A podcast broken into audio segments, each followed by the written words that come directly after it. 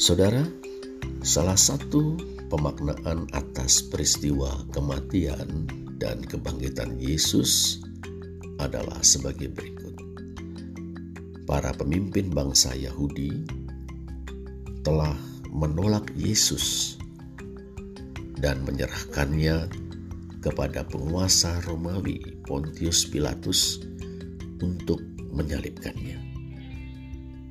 Tetapi Allah tahu bahwa Yesus ada di pihak yang benar.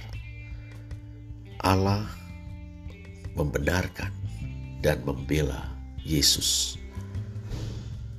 Allah melakukan itu dengan membangkitkan Yesus dari antara orang mati dan memuliakan Dia dengan mengukuhkan Sang Hamba sebagai Mesias atau Kristus yang dikaruniainya otoritas atau wewenang untuk menjalankan kekuasaan Allah baik di dalam sorga maupun di dunia. thank you